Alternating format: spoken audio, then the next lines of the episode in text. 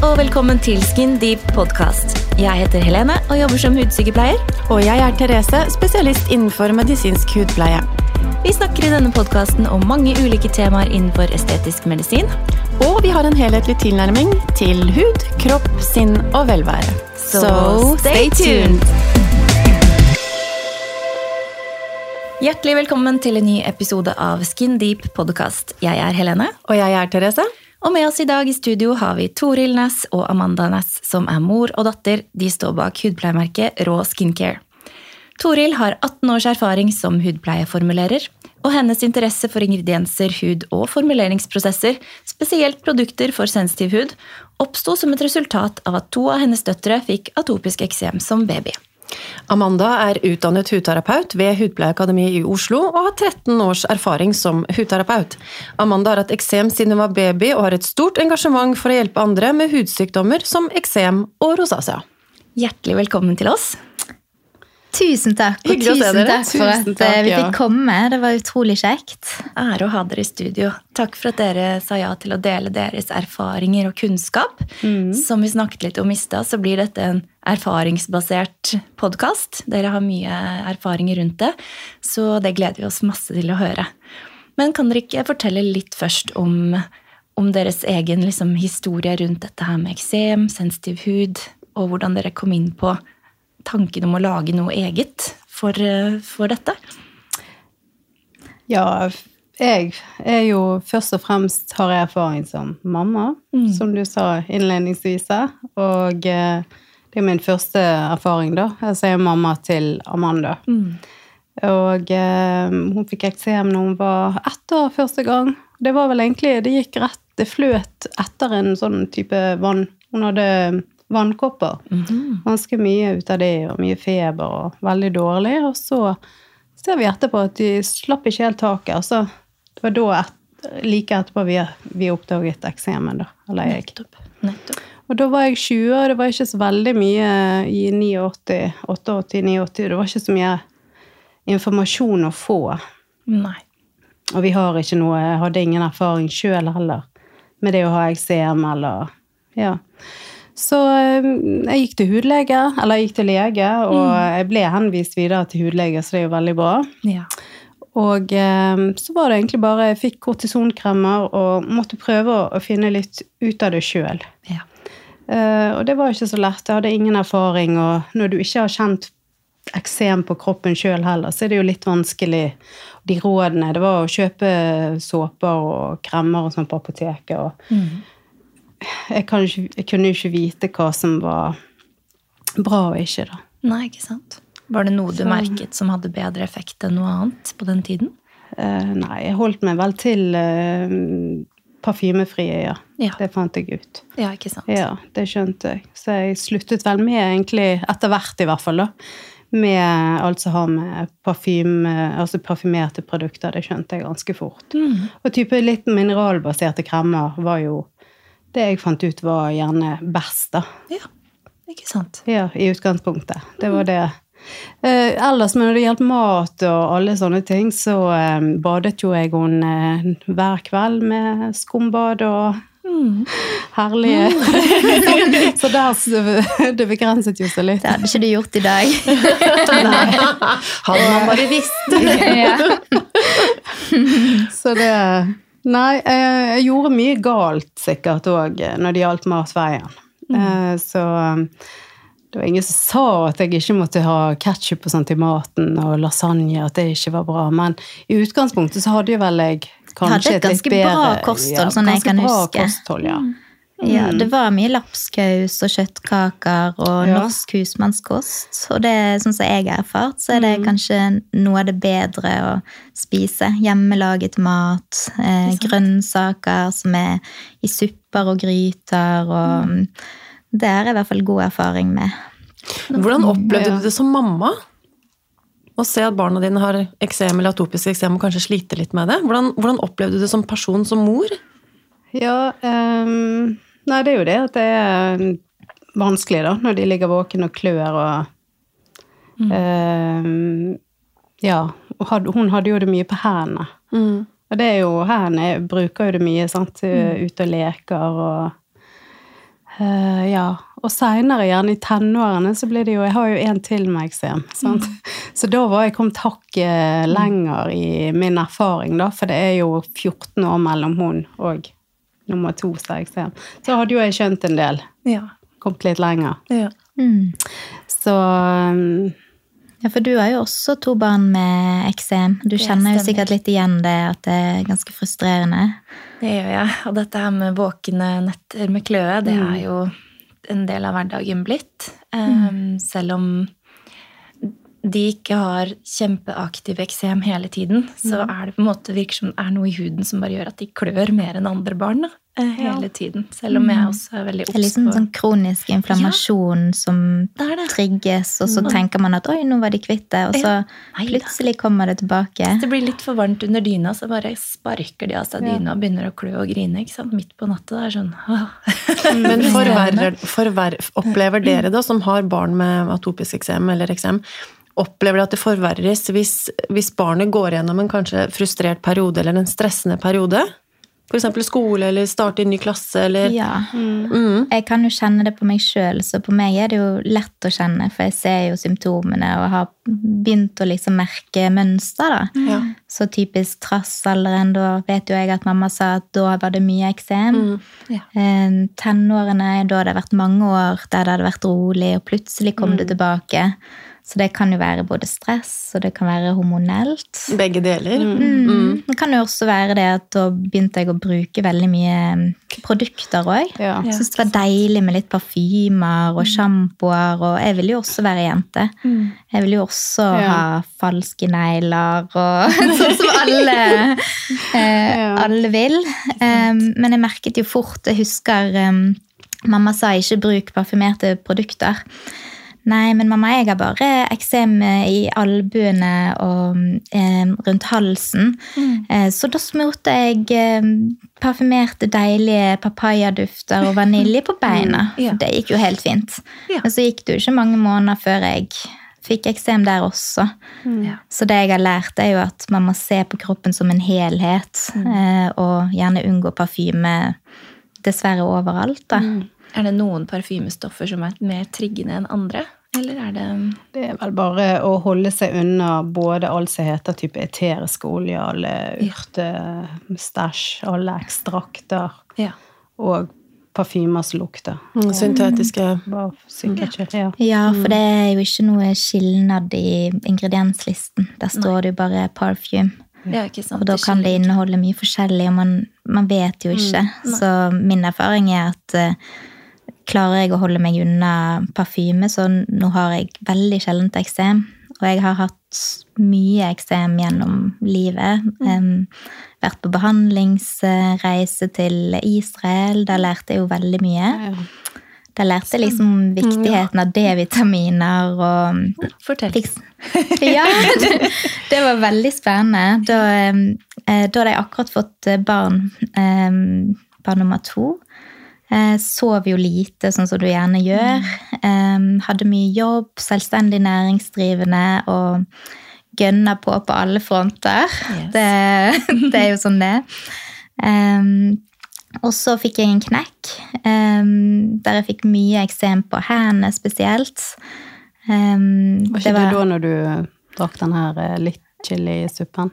Jo, det var det at um, vi skulle spille inn en film eh, i butikken eh, der jeg jobbet. Um, en reklamefilm. Eh, og så skulle vi ha en pause, og jeg hadde ikke med meg noe mat. Eh, så gikk jeg på kafé, og der fikk vi suppe, og jeg sa selvfølgelig sånn som jeg pleier, at det må ikke være noe chili i dette her. Nei, det var det ikke. Men så var det tilfeldigvis litt eh, chili i den sausen allikevel. Eh, og da gikk det kanskje Det er utrolig hvor raskt det skjer. Ja, det kan gå fort. Fem minutter, kanskje, så begynte huden å boble på hendene. Eh, og resultatet var at jeg var delvis sykemeldt i et halvt år etterpå. Det var helt forferdelig. Bare å Du kle hadde jo på ikke hud på Jeg hadde ikke hud, nei. Jeg kunne ikke kle på barna. Eh, Det å liksom dra på toåringen min klær, det var helt umulig. Eh, spise ble vanskelig, skru opp korka Nei, men- ble vanskelig. Man måtte dusje omtrent. Altså det, det Ja. der ja. Man blir jo helt handikappet hvis man ikke kan bruke hendene sine. Jeg brukte oppvaskehansker og dusja med. Veldig sexy. Jo, men må jo men må man, så må man jo. Ja. Apropos, eh, apropos jeg, jeg bruker hansker til alt hjemme selv. For jeg har utviklet håndeksem i dette yrket her, så jeg bruker hansker til alt. For å utsette hendene for vann, så blir det Veldig, veldig det- ja, det gjør jeg mye nå òg, bare for å forebygge. Det er. Veldig lurt. Sånn, ta oppvasken. Nei, hansker. Mm. Sette inn i maskinen. Uansett, hvis det liksom medfører at jeg må vaske hendene i etterkant, nei, ta hansker.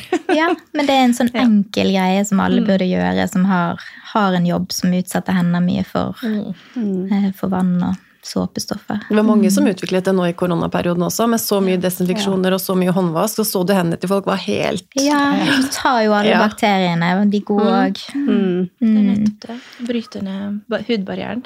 Bare tenk på hver dag når du Eller annenhver dag, jeg vet ikke hvor ofte vi vasker håret, men det kan bli litt for ofte. Ja. Og da bruker du hendene. mm. Er. Skummer inn såpen, sant. Ja.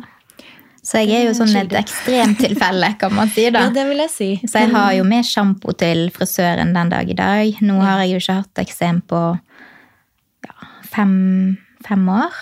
Um, Ja, men, du blusset litt opp her uh, for en måneds tid siden. Ja, jeg hadde hatt en operasjon, så da um, Ja. Selvfølgelig, når kroppen blir litt Ja. nede, så fikk jeg noen flekker på hendene. Mm. Um, og da tar jeg jo litt ekstra hensyn når det kommer til kost, og, um, og prøver å liksom roe de triggerne som jeg vet kan trigge meg. Da vet jeg at nå må jeg være litt flink. litt ekstra. Og så um, pleier det å gå seg til. Gjerne tar jeg en liten kortisonkur med salver og følger den nøye for å liksom slå det ned fort. Mm. Samtidig som jeg prøver å angripe det fra flere hold med å gjerne passe på søvn. Ehm, ja. Du er veldig flink, syns jeg, da, med kostholdet. Og henter deg inn igjen der, da. ja.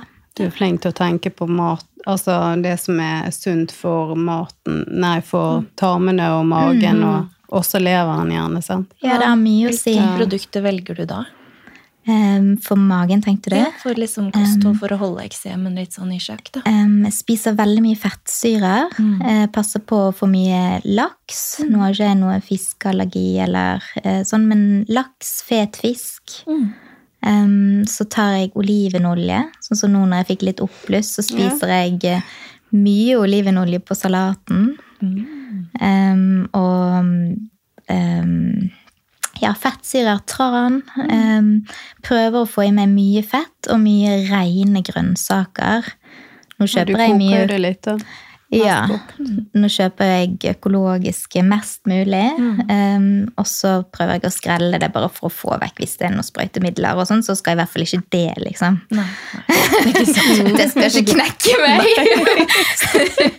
så da ja, gjør jeg nå det. Og så eh, det jeg merker veldig Nå har jeg jobbet med en del som har eksem, mm. og det vi har fått veldig gode resultater på, det er jo nettopp det med tarmen. eh, Og det med å varmebehandle maten. Det lærte jeg faktisk av en indisk lege som jeg også har jobbet litt med gjennom jobben min. Der har de mye eh, fokus på kosthold. Eh, Og hun lærte meg det at tarmen min var ganske svak, og da skjønte jeg at Svak tarm? Nei, har jeg det? Går du på do hver dag? spurte hun. Nei. Et par ganger i uken. Ganger i uken. Kanskje et par ganger i uken. Ja. ja, så spurte hun hvordan avføringen ser ut. da. Nei, det varierer. Det kan jo være litt klumper. Det varierer. Og da skjønte jeg det at å ja, tarmen min den er ikke sånn som den skal. Men ingen som har snakket sånn voldsomt mye med meg om det før. Men du, er det tarmen, eller er det den um, Hvordan skal man uttale det? da? Hinna? Hinna, som er rundt i, bør være intakt rundt og i tarmen. Jeg vet ikke hva det er med meg, men jeg bare merker at jeg har, mye, har hatt mye forstoppelse. Og når jeg Ja. ikke har hatt det lenger, så har em, veldig mye av huden og alt egentlig falt på plass. Så det er jo liksom, Og det hun lærte meg, det var det, for jeg har alltid spist veldig sunt. Jeg har jo et godt kosthold fra mamma. Masse salater og Ja, Um, men det hun sa til meg var at um, du må spise lettfordøyelig. Så sa jeg ja, men det gjør jeg. Jeg spiser mye salat nesten hver dag. Ja. Ja, men det er ganske hardt fordøyelig, Amanda, sa hun. Eh, å ja. Jeg har alltid tenkt at salat er lett mat. Um, men du bør dampe det, du bør behandle grønnsakene, for hvis du kjører en rå gulrot gjennom kroppen, så er det mye vanskeligere enn om den er kokt. Så selv om man mister næringsstoffer, så anbefalte hun meg det, og det har virkelig gjort forskjell. Går jeg på do Ja. hver dag? Men det er veldig viktig. Det spør Ja. også mine aknepasienter om. Hvordan Det- er tarmhelsen Mm. Og veldig ofte hvis de har mye akne på kjeven eller, eller hake, så er det sånn nei, det, der er det noe. Enten så er det for løst, eller så er det for hardt. Og det, det bør snakkes mer om, for det har veldig mye å si. Det. Men um, godt tips det er med å koke og varmebehandle mat. Mm. Men sikkert også fettstoffene, eh, Ja. som man da tar mye av. Eh, vil Det- hjelpe litt på. For her i Norge så er det mer sånn kjør fiber, kruskakli. Og det er jo også litt sånn tungfordøyelig, vil Det jeg tro. kan være litt om det var mye vann. Det er ikke alltid jeg er så god på det. Nei, ikke sant? Så, Litt sånn type skjegrøt og sånne ting er vel bra. Ja. ja, jeg spiser mye havregrøt. Ja. Så prøver jeg å holde liksom karbohydratene til grønnsaker når jeg har eksemutbrudd. Men alle må jo finne sin vei. Ja. og det å unngå sukker og mm, karbohydrater, det er veldig varierende hva folk føler om det, og det er vanskelig å, um, å skulle si at noe er helt feil. Men for meg så er det å liksom få i meg karbohydrater gjennom grønnsaker, kanskje gjennom litt havregrøt, og unngå sukker, det ser jeg at det demper. Hvis jeg gjør det samtidig som jeg tar en kortisonkur, får det fort under kontroll. Ikke sant. Mm. For sukker skaper jo inflammasjon. Men det er veldig mange også som har irritabelt tarmsyndrom, som har atopisk eksem f.eks. For Ja. atopisk eksem følger jo ofte med en allergi eller astma eller Masse, en inflammatorisk tilstand. Da. Mm. Veldig mange som har irritabel tarm. Men, altså i tillegg. Ja. Mm. Det merker jeg veldig, for jeg har jo hatt mange i klinikken, og jeg spør eh, etter hun eh, indiske, etter jeg var hos henne, eh, så spør jeg de alltid om eh, tarmen, da. Og det er faktisk sånn at jeg kan ikke huske mer enn én eller to. Nå har jeg hatt mange hundre um, som jeg har hjulpet. Og alle har en eller annen form for mageproblemer. De sier litt sånn som meg, nei, det har jeg ikke. Men når man liksom går inn på det og spør, spør litt nærmere, så har de fleste det. Um, mm. Og de fleste merker jo også at det er kanskje en av de mest frustrerende tingene med atopisk eksem. Det er det at du føler at det er så varierende. Det er, sånn, det er jo en inflammasjon som går opp og ned. Det er jo litt det som definerer. Og noen ganger har man hovenhet, kløe, svie, og det er fælt. Og så går det litt bort, og da tåler du mer mat. Det er jo ikke sånn at man er allergisk, men det er liksom den tolerant totalpakken. Hvis du stresser mye, har lite søvn, så tåler du kanskje ikke spise sukker. Mens um, kanskje om sommeren når du får mye D-vitaminer og er glad og løper ut og uh, sover godt, ja, så kan jeg kanskje spise litt sukker. Og det syns jeg har vært så vanskelig at jeg går i besøk, uh, og så må jeg gjerne si nei til kake, da. Uh, Og liksom Og jeg, jeg har ikke lyst til å spise den chili con carne-gryten, for det Men hvis du blir sykemeldt et halvt år etterpå, så skjønner jeg jo det. Herregud. Ja. Men det kan òg være en tomatsuppe som jeg vet at jeg på en måte Jeg kan kanskje tåle den og kanskje ikke tåle den. Det kommer litt an på dag- dagen. Eh, og så ser du gjerne kake, og så mm, sier man gjerne at nei, jeg tåler ikke det så godt. Men så kommer 17. mai, da, og så kanskje spiser man kake da. Så tenker folk at var ikke det du som ikke tålte kake? Dette er inkonsekvent. men nå har jeg sovet så godt denne uken, og jeg har ikke noe eksem. Så nå kan jeg, det tror jeg er mange som føler på og kjenner seg igjen i. At det går sånn opp og ned. Og det er denne totalpakken som er veldig vanskelig å leve med. Og liksom mest det med å liksom hvordan forholde seg til andre. For meg går det veldig fint. Men man blir redd for å skuffe folk og ja. Uh, mm. Ser den. Men du snakket om D-vitamin. Ja. Fortell litt mer om hva du um, ja Um, Da jeg var på behandlingsreise i Israel, um, da var han legen der veldig opptatt av D-vitaminnivået mitt. Her droppet var vi bryllupet, og så brukte hun alle pengene på behandling istedenfor. Uff a meg. Jeg dro fra barna mine i tre uker. Men jeg var desperat. Det snakket vi litt om, at jeg ikke kunne kle på dem og sånn. Ja. Eh, Og så dumpet jeg borti noe som jeg bare kjente at jeg fikk en god magefølelse på at eh, Ja, jeg følte at dette her bør jeg prøve, da. Og da eh, var det en lege der som Vi tok jo blodprøver, og behandlingen var jo mye avstressning. Vi em, Og det var mye soling for å få opp D-vitaminnivåene, pluss at vi fikk òg høydose D-vitamin. Det er jo veldig mange år siden, så jeg husker ikke akkurat hvor mye det var, men vi tok D-vitaminer, sånne dråper på brødskiven på morgenen. Det var jo leger der. Det var leger der, ja, og tok blodprøver. Og. Ja. mm, eh, så eh, var det mye soling, da. Nå er det jo sånn i Israel at eh, det ligger såpass lavt nede at du skal visstnok kunne sole deg uten solkrem.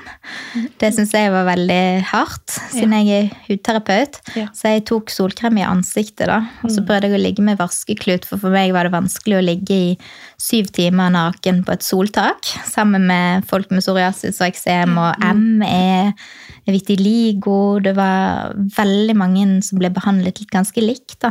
ja. Og fikk kjempegode resultater. Eh, Og da var hovedmålet å øke D-vitaminnivået, og så redusere stressnivået, da. Så vi gikk turer uten å høre på podkast og uten å høre på musikk. Em, fikk beskjed om å liksom prøve å være litt som barn, være litt i nuet. La tankene Um, kjøre og gå og ikke Ja, og det snudde hele eksemen min fra å ja, fra den sykemeldingsperioden som gjorde meg helt desperat. Fra å ikke kunne kle på barna til å komme hjem igjen, og eh, alt snudde. Så det gikk liksom bare uke for uke ble bedre og bedre og bedre. Og det Å, jeg begynner nesten å grine. det var helt nydelig. Oh, så Mm. Den følelsen av å være deg igjen og kunne ta vare på barna dine igjen. Ja, Mm. det var verdt det, selv om det var hardt å være vekke fra dem. Ja. Mm, men det, det tror jeg har mye å si, å liksom få opp det vitaminnivået.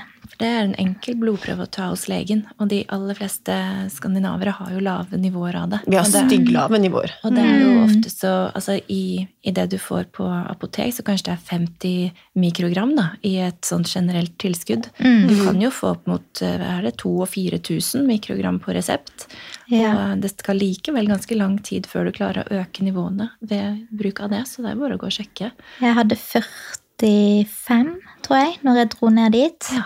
Jeg husker ikke helt hva de målte det i, men jeg gikk fra 45 til 120 når jeg kom tilbake. Du skal jo, hvis du har eksem, så anbefalte de at man skal ligge litt høyt oppe, rundt 100. Um, man kan jo få for mye D-vitamin òg, men, um, men de sa at jeg burde ha ganske høyt. Så nå når jeg er i Norge, er det vanskelig å opprettholde det, egentlig. Ja. Spesielt når jeg bruker faktor 50 i ansiktet. og jeg prøver i hvert fall å Jeg har jo litt sterk hud, så jeg prøver å få litt sol uten, uten solkrem på armene og, og sånn, da. Da er jeg ikke så redd for rynker. Nei, man blir jo litt Man må eh, liksom balansere det her, da. Ikke vil jeg ha hudkreft og vil Nei. ikke ha eksem. Det er jo ja, det er en Det balanse. Og så er det jo mye som kan være i en solkrem òg, som kanskje kunne irritert huden. Ja. Så det er vel litt av grunnen til at de vet det, de at de sa ingen solkrem. Det er vel Ja. ikke bare pga. D-vitaminnivået, men Ja, og alle triggerne skal være i produktet. Men det som Jeg må bare komme Ja. med noe her. Kjør. Som er veldig interessant. Mm. Eh, For en måned siden så har de nå fullført alle sekvensene på menneskelig DNA. Ja. Våre Ja. genomer. Og nå, de har trodd fram til nå at det er 22 000, men det er over 30 000. ja. Og hvert gen har hver sin oppgave. Ja. Som for eksempel, sånn som du da, som var i Israel og ble utsatt for mye sol for å øke D-vitaminnivået. Det er veldig fint. Men så er det ett gen som klarer å ta til seg, eh, eller konvertere til D-vitamin.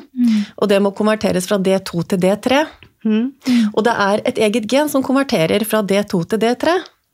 Som gjør at vi har det fint, som gjør at kroppen har det bra. Mm. Eh, Men det er ikke alle som har, selv om de får mye sol, så vil ikke det si at det ene genet er så bra stand til å konvertere fra D2 til D3, og de trenger Mm. dobbel mengde. Så det er også en faktor som er veldig ny nå på forskningssiden. Da. Det er vel òg litt sånn eh, hvor man er fra, om man er mørk i huden Om du kommer fra ekvator, eksempel, de ekvatorområdene, så trenger de å bli utsatt for mer sol enn oss, for de har ikke det genet som konverterer like fort som det vi har, som er nordbord. Så det er veldig fra genetisk bakover i tid, og hva man spiser, og hvor man bor, og altså, Det er så mye faktorer som spiller inn. Og en annen ting som er veldig vesentlig nå, som kommer mer og mer til syne, det ble sluppet for en måned siden, så det er veldig ny forskning. Men Therese Veldig typisk meg. Nerd. Hashtag nerd. Jeg vet det. Men det som er at 10% av de 30 000 gensekvensene, genomene, er styrt av D-vitamin. 10% Det er mye. Mm. Og alle ligger under. Alle her ligger under. Og du Og ser er- jo eh, andre sykdommer, masse sykdommer. Så jeg bare sier spis D-vitamin, få i deg det, og ta hvis du er redd for å få for mye, så ta blodprøver når du er hos legen. Men eh, D-vitaminer og fettsyrer, det Har du rosacea, har du akne, har du eksem, har du ME? humør- ME Altså hvis du, hvis du våk- Det er jo nå bevist at den som våkner om morgenen, og det første du ser Fordi melanin er jo det som gjør at vi sovner inn. Melatonin, ikke melanin. Ja, Nå blander jeg. melatonin. Melatonin gjør at du sovner, men serotonin gjør at du våkner opp om morgenen. Og det kommer fra de første solstrålene, Ja, det første lyset. bluelightet. Da våkner hunden min. Han Men- vekker meg, da begynner han å pipe. Ja, nemlig. Men vi gjør ikke det, for her er det jo mørkt på vinterstid. Så det er mange som har litt sånn winter blues, og det er rett og slett for du får ikke den serotoninfarten, og da kommer heller ikke kolesterolet i gang, så du får ikke den derre Man burde egentlig ha direkte sollys i øynene hver dag. Ja, og det setter inn humøret ditt og, og aktiviteten i kroppen din fra med en gang du lukker opp øynene til du på en måte skal komme i gang med dagen. Så er det gjort. Men nei, akkurat, og det er jo ekstremt mye vinterdepresjoner, det er mangel på D-vitamin, og D-vitamin er jo også sett på som et hormon. Og det regulerer 10% av 30 000 genomer. Altså det er ganske ekstremt om hvor viktig D-vitamin faktisk er, for det er veldig Ja. Nå blir det jo kalt et D-vitamin for at folk skal ta det ekstra som et tilskudd. Ja, og i Ja, forhold til akne viktig. så tror jeg det er virkelig viktig, Mm. egentlig. For det er jo ofte hormonelt, og du kan påvirke hormonene. Mm. Og man kan jo ikke styre alt av stress i hverdagen. Hvis du har små barn og lite søvn, så kan du ikke styre det, men det du kan styre, er at du kan legge inn pauser.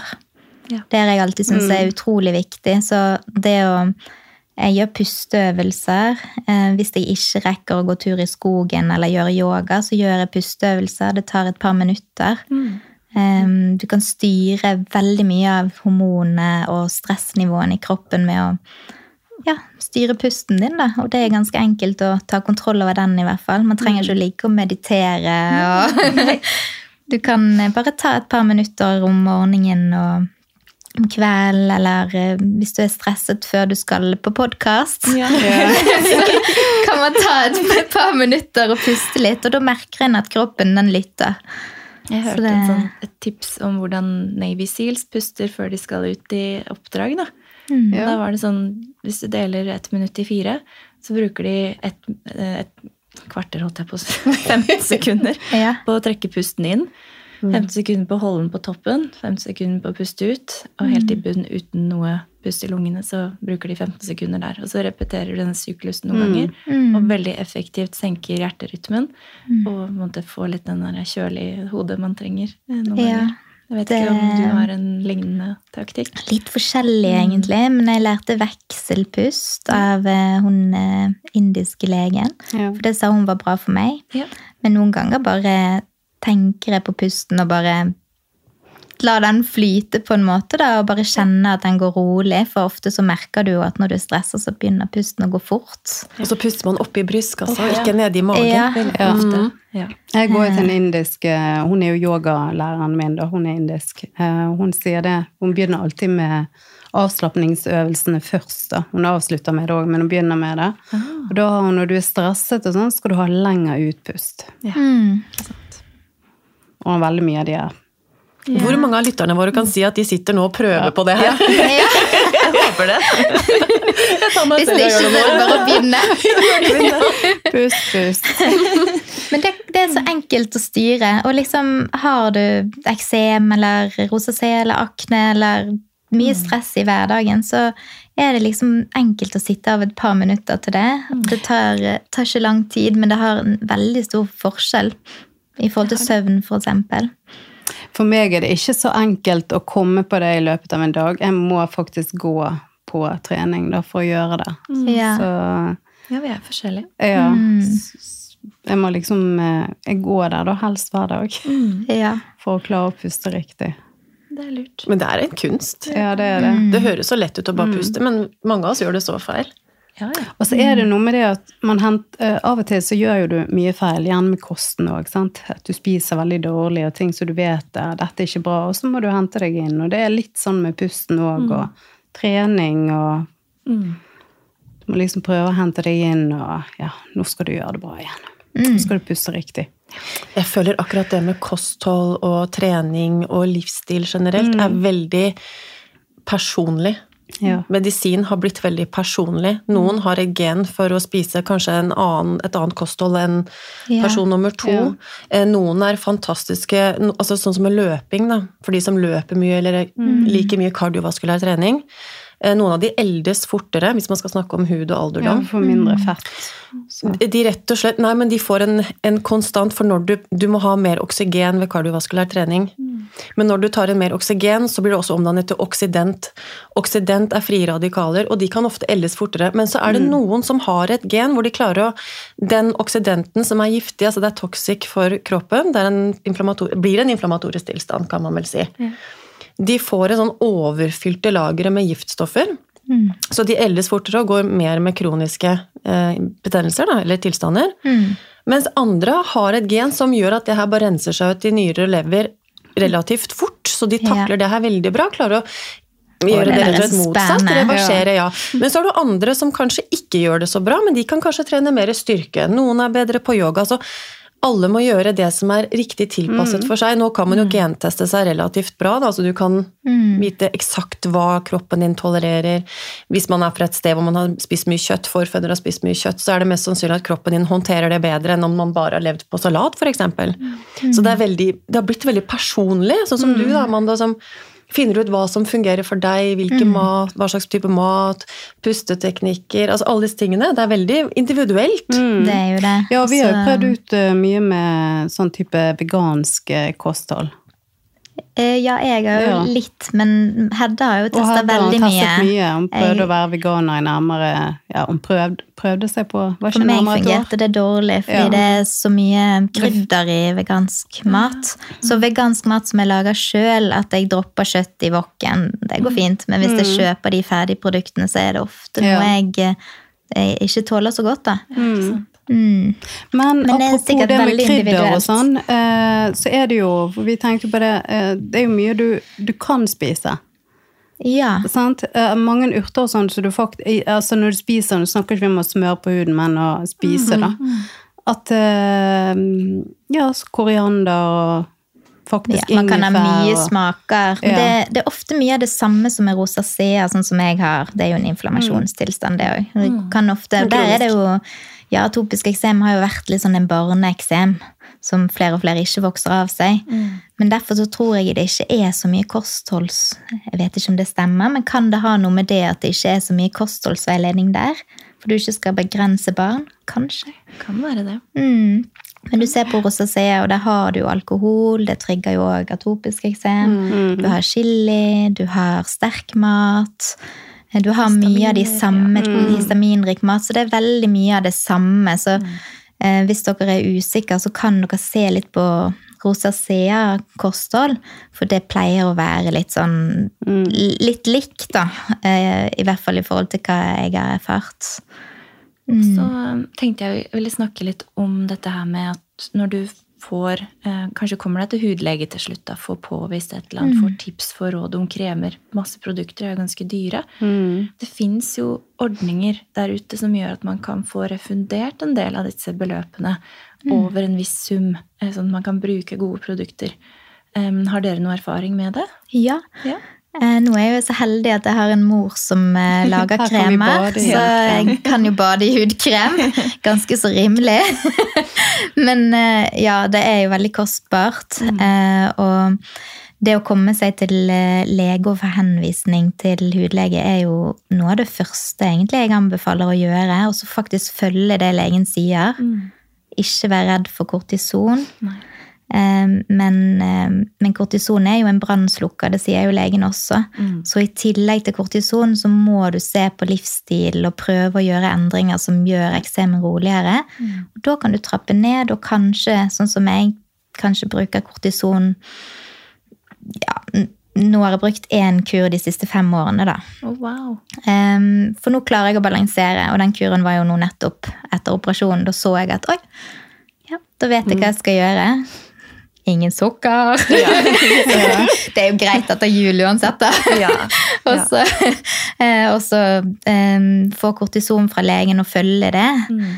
Eh, og bare være litt eh, Passe ekstra på de der pausene i hverdagen og prøve å sove riktig. Og så, ja, så kom det til legen. Det er kjempeviktig. Og, Man kan jo få alt fra håndsåper til dusjsåper og alt mulig sånt på, Parfymefritt. Ja, og ja. på, på en slags dekning. Jeg husker ikke helt hva den paragrafen heter, men det vet nok hudlegen. ja, Men jeg, jeg var der selv også. Da fikk jeg Hun tipset meg om at hvis du tar vare på kvitteringene når du kjøper dette produktet her, når du bikker 2000 kroner, så får du resten ja, vi er mange som gjør det med råd, ja. Mm. Og det kan man jo, vet jeg også, med deres produkter. Mm. Eh, Sånn at eh, det Du er får ikke dekket serumet ditt, men du får dekket hudkremer, da. Ikke ja, det rimeligste. Ja. Ja. Mm. Så det er noe å spørre om, i hvert fall hvis man er der. For man trenger ikke bruke Mm. Altså, jeg merket stor forskjell når jeg byttet bare fra en vanlig såpe til en mer kremete såpe, eh, som Ja. ikke ødela hudbarrieren. Ja. Og det er også noe vi må prate om. Hudbarriere. Ja. Ja, vi snakket det- mye om alt mulig rundt, men dette her med å bevare hudens intakthet, sånn at vi ikke slipper ut for mye vann, Mm. ta vare på det indre miljøet i huden, det er i hvert fall alfa og omega når det, Det er kommer til eksem. Og ikke altfor er mye kompliserte, sterke konserveringssystemer, Altså, som er heller ikke så bra. Bare jeg, hvis jeg smører salicylsyre på huden i ansiktet med eksemhånda mi Å, det går ikke. Å, det går ikke bra. Da kan jeg, det er to dager etterpå, så står den i brann. Ja. Det funker jo ikke. Nei. Men hvilke ingredienser er det som er viktig da, eh, når det kommer til hudbarriere? Hva kan man se etter? Jeg vil si eh, sånn eh, Du har både hva ingredienser som er veldig bra, mm. og så har du jo det som ikke er bra i det hele tatt. Ja. Eh, Så og det er jo litt varierende fra person til person, men sånn som vi, eller jeg tenker da, så er det jo gjerne oljer som ikke er eh, hvis du, hvis du, Jeg kan ta skjeasmør som et eksempel, for det er ganske sånn Hvis du har kaldpresset, herlig skjeasmør, så er jo det veldig fint for type sensibel hud. Mm. Men med en gang du kommer til eksem, så kan den uh, urensete skjeasmøret helt sånn eh, De siler det gjerne bare, da. Eh, men når det har vært gjennom en renseprosess, så har jo det òg skiftet farge. Det blir type hvitt.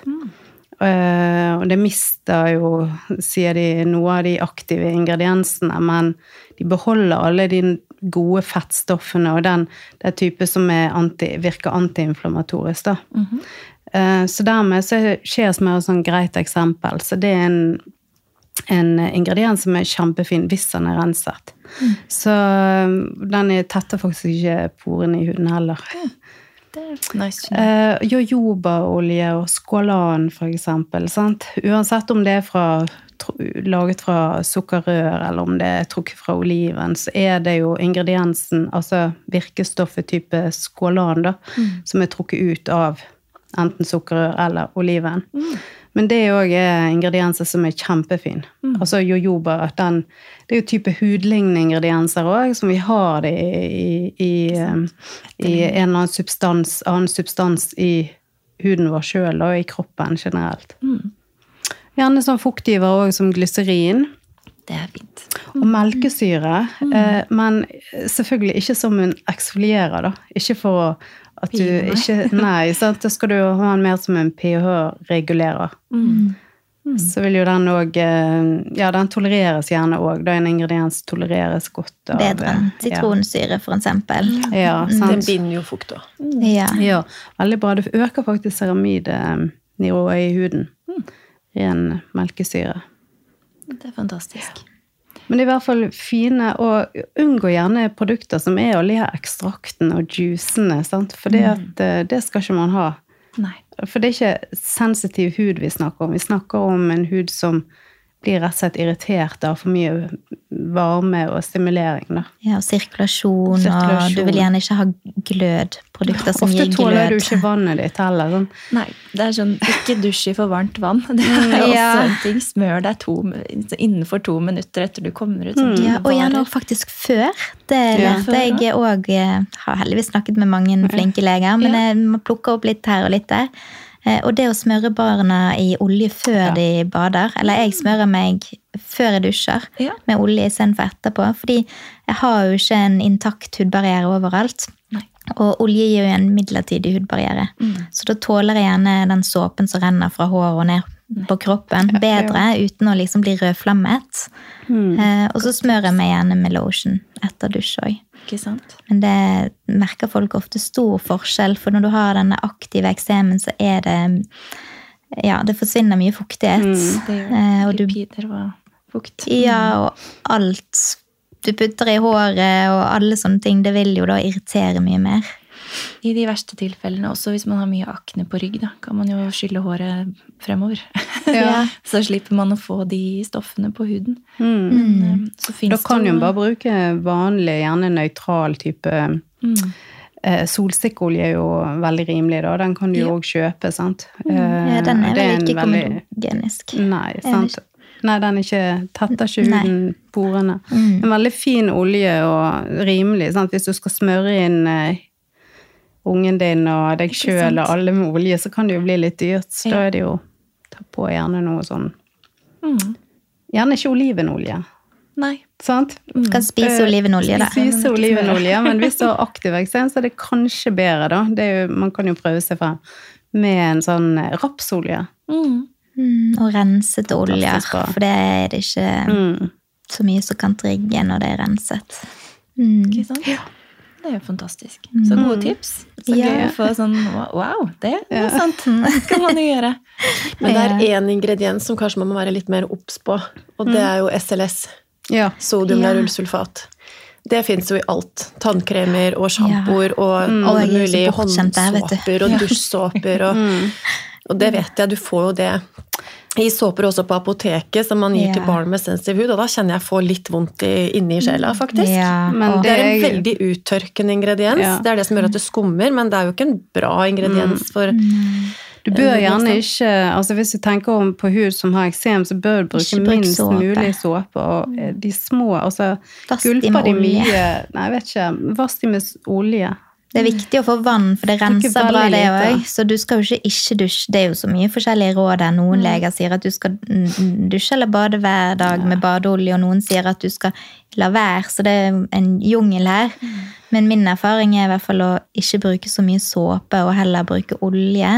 Men å også se litt an, fordi um, har du vært med en hest eller eh, fått rullet deg Ja. eh, ute, eller barn som er full i sand eh, ned, nedover i bleien, så bør du få bort den irritasjonen. Ja, ja. Men sånn som en voksen person, så det å liksom eh, vaske seg under armene og eh, bli rein med klut, kan kanskje fungere bedre når du er voksen og kanskje da holde seg til to ganger i uken. Så man må liksom se litt Så har du det med hudbarrieren, så til og med vann, sant, skad eller hindre eller hemmer hudbarrieren. Vann er uttørkende. Det er sånn eh, Så er det ganske mye kjemikalier i det òg, altså. Ja. Mye hormoner også. Så gjør det mye med pH-en. Hva var det du Ja. Eller kanskje ikke Mm, jo. Eh, vann gjør mye med pH-en. Altså, det har jo en nøytral pH, sant? men hvis du, eh, det svekker jo hudbarrieren. Så det er veldig bra med De sier ja, du skal bruke såpe med pH på 5 til 5,5. Ja, det er greit, men helst gjerne unngå å bruke så mye såpe. Sant? Hvis du, de fleste de vil jo vaske håret sitt, da, så jeg bruker aldri såpe på kroppen. Altså, jeg bruker det aldri. jeg bruker det kun i håret, og så lar jeg eh, vannet gjøre resten. Man blir jo ren. Ja, du blir ren. Mm. Man trenger ikke såpe inn armer og bein og alt mulig rart. Men det fins én ingrediens som er litt fin hvis man absolutt skal ha sånn skummende effekt på en såpe. Ja. Og det er saponaria. Det er en urt. Ja. Det også Ja, det skummer. Ja, Den nå er veldig fin. Så skal man virkelig, hvis man, hvis man kjenner at nå er det et kvarter siden jeg har tatt meg en skikkelig dusj, altså og du føler at du ordentlig har vaska sånn vaska deg, da, så er saponaria en veldig, men også beroligende antiinflammatorisk ingrediens, selv om den skummer. Mm. På den andre siden så har jeg lest at oktokrylen, spesielt i solkrem, kan være veldig allergiutløsende, spesielt hos barn. Ja. Mm, Men eh, ja. Det er i hvert fall noe som har satt seg på minnet mitt. At mm. det er oktokrylen, da legger vi den bort. Ja, Litt sånn, Men jeg vet ikke. Det, mm, det er veldig vanskelig, det der. ja, det er det. Det har blitt så strengt det med ingredienser i solkremer nå. Ja, det det. Og de har jo tatt en opprensk på MI i um, Altså, Ja. MI var jo en versting for mange mange år siden. Eller ikke mange år siden, Ja, egentlig. Parabenerstatteren. Eh, Ja. Det er jo sant? kontaktallergiene Skal ikke ha parabener, vi setter inn noe annet. Så det er enda verre. ja. Men det er jo veldig lurt med Når du tenker på eh, konservering, så er jo produkter ofte konservert for å kunne holde i hyllen i årevis. Mm. Så det er mye konservering i, og det er gjerne ulike konserveringsmidler som blir brukt.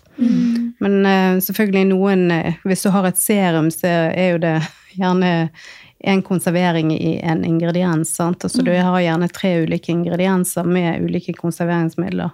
Ikke sant.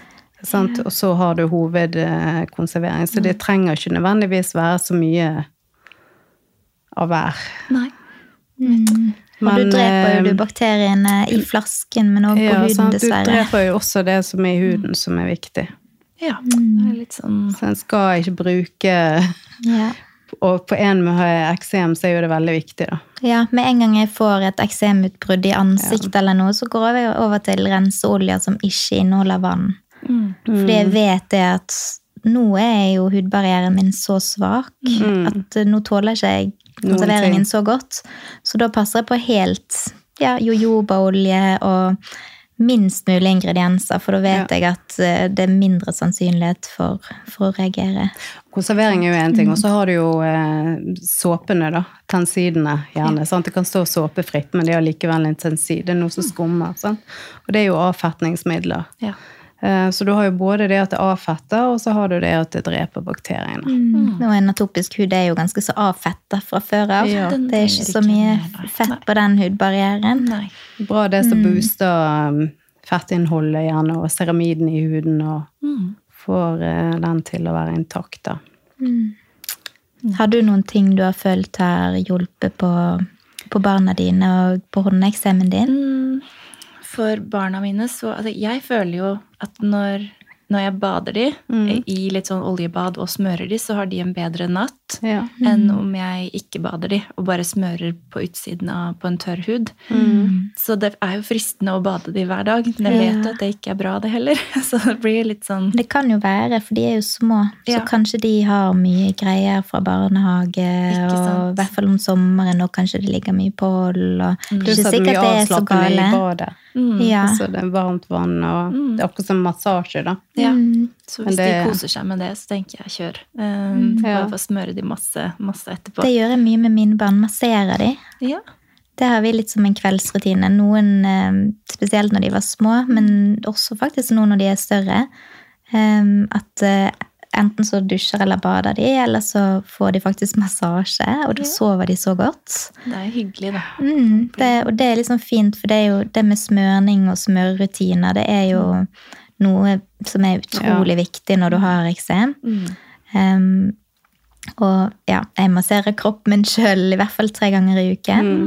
Um, det er sikkert veldig bra for hodet òg, men Ja. jeg, jeg tenker at jeg gjør det med god samvittighet, for jeg har jo eksem, så da kan jeg liksom sette av litt tid til meg sjøl. Der har vi noe å lære alle sammen. Ja. Ja, Ja. god samvittighet. Ja. Så kan bare ja. Men alle de mammaer som går rundt og føler at nei, jeg kan ikke ta tid til meg selv, jeg bare tenker på barna, huset og mannen og gud vet altså, Ja. Det er jo Jeg hørte en quote på Men enten ligger du jo foran TV-en helt sånn Ja. Paralysert på en kveld eller med mobilen, eller så kan du bare Ok, jeg tar litt Litt alene, egenpleie ja. på badet. Men de sa det, hvis du ikke tar deg tid til helsa di, så vil helsa di tvinge deg til å ta tid til den senere. Ja, det er så sant. Og det er faktisk litt sant. Mm. Det skal ikke så mye til. Og bare som du spurte hva som er best for eksem, jeg må bare si det, å smøre seg etter hver eneste gang man vasker hendene, Ja. er så, det er game changer. Mm. Og helst ikke med urea. Eh, innhold. Ja. Noe som ikke inneholder det. Eh, det, er, det er bra. Mm. Ja, og kremene har jo mye å si, for hvis du smører det med noe som gjør vondt, Ja. så er ikke det noe som gir en god følelse. Så det å finne en krem du liker, som ikke svir, som barna liker, em, det har mye å si. Og det å gjøre det litt en kosestund, da. Ja. For du kommer jo Jeg tenker jo litt på det å ha fått eksem som at utro, så mye jeg har lært. Ja. Og hvor mye det egentlig har gitt meg, både i jobbsammenheng og kunne veilede og hjelpe andre, men også, eh, også helsemessig. Jeg tror jeg har tatt mye bedre valg. ja, enn hvis jeg ikke Ja, for kroppen sier så fort ifra. Man er så sensitiv, og hvis du gjør noe feil, så Eller det trenger ikke alltid være feil, men eh, hvis du kommer litt i ubalanse, så sier han fort ifra. Ja. Så man må liksom se på det som òg en mulighet da, til å spise sunnere, ta bedre valg for seg sjøl, fordi du kanskje eh, får se resultatet litt før enn de som ikke har sånne hudproblemer. da. Du ble egentlig tvunget til å ta vare på deg selv, Ja. for så å kunne ta vare på barna på en bedre måte, du. Mm. Søren, jeg har lært så mye av dere i dag. Jeg er så takknemlig for at dere kom Ja, og delte kunnskapen deres. Og det var så koselig å være her òg. Veldig Kjempekoselig. mm. Hvis det er noen lyttere der ute nå som tenker å, jeg har lyst til å spørre dere om noe, hvor tar de kontakt da? Ja. Eh, det har jeg ikke tenkt på. jo da, vi har jo en eh, Jeg er jo mest på Instagrammen eh, til Rå Skincare. Ja. Så råskincare.no. Mm. Eh, den styrer jo jeg, så der finner du meg. Eller så har jo jeg min egen Instagram, som eh, du kan bare søke på Amanda Nes, så kommer vel opp kosmetolog Amanda. Mm, så der er det bare å spørre og få veiledning. Så flott. Um, mm, og hvis du sitter hjemme og har um, eksem og føler deg frustrert, så bare send en mail.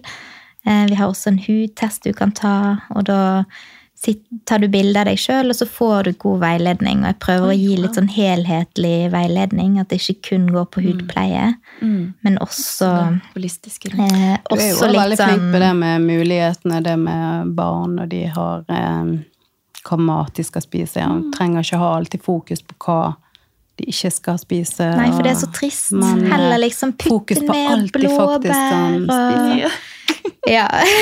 At man fokuserer på muligheter fremfor begrensninger, for Mm. det er så mye å velge mellom. Så om man ikke kan ha appelsin Det er så mye annet godt. Mm. Så ikke tenk på nei, ikke det, og ikke kan jeg ha det, men heller tenk liksom at Yes, det her er bra for meg. Mm. Ruccola! Fantastisk! Så går man ned et par kilo, det er jo Damper du den, da, eller?